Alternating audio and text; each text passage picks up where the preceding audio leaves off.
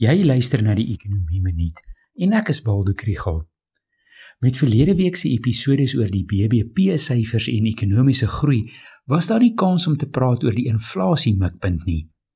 Die goewerneur van die Reserwebank, Lesetja Kganyago, het in 'n toespraak gesê dat die mikpuntband van 3 tot 6% vervang moet word deur 'n enkele puntteiken van 3 of 4%.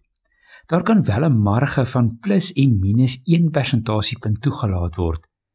Hy het die argument gemaak dat die teiken laer gemaak kan word met die samewerking van verskillende rolspelers in die openbare sektor wat geadministreerde pryse vasstel. Ek dink ons kan almal saamstem dat geadministreerde pryse deurlopend teen hoër koerse styg as hooflyn inflasie.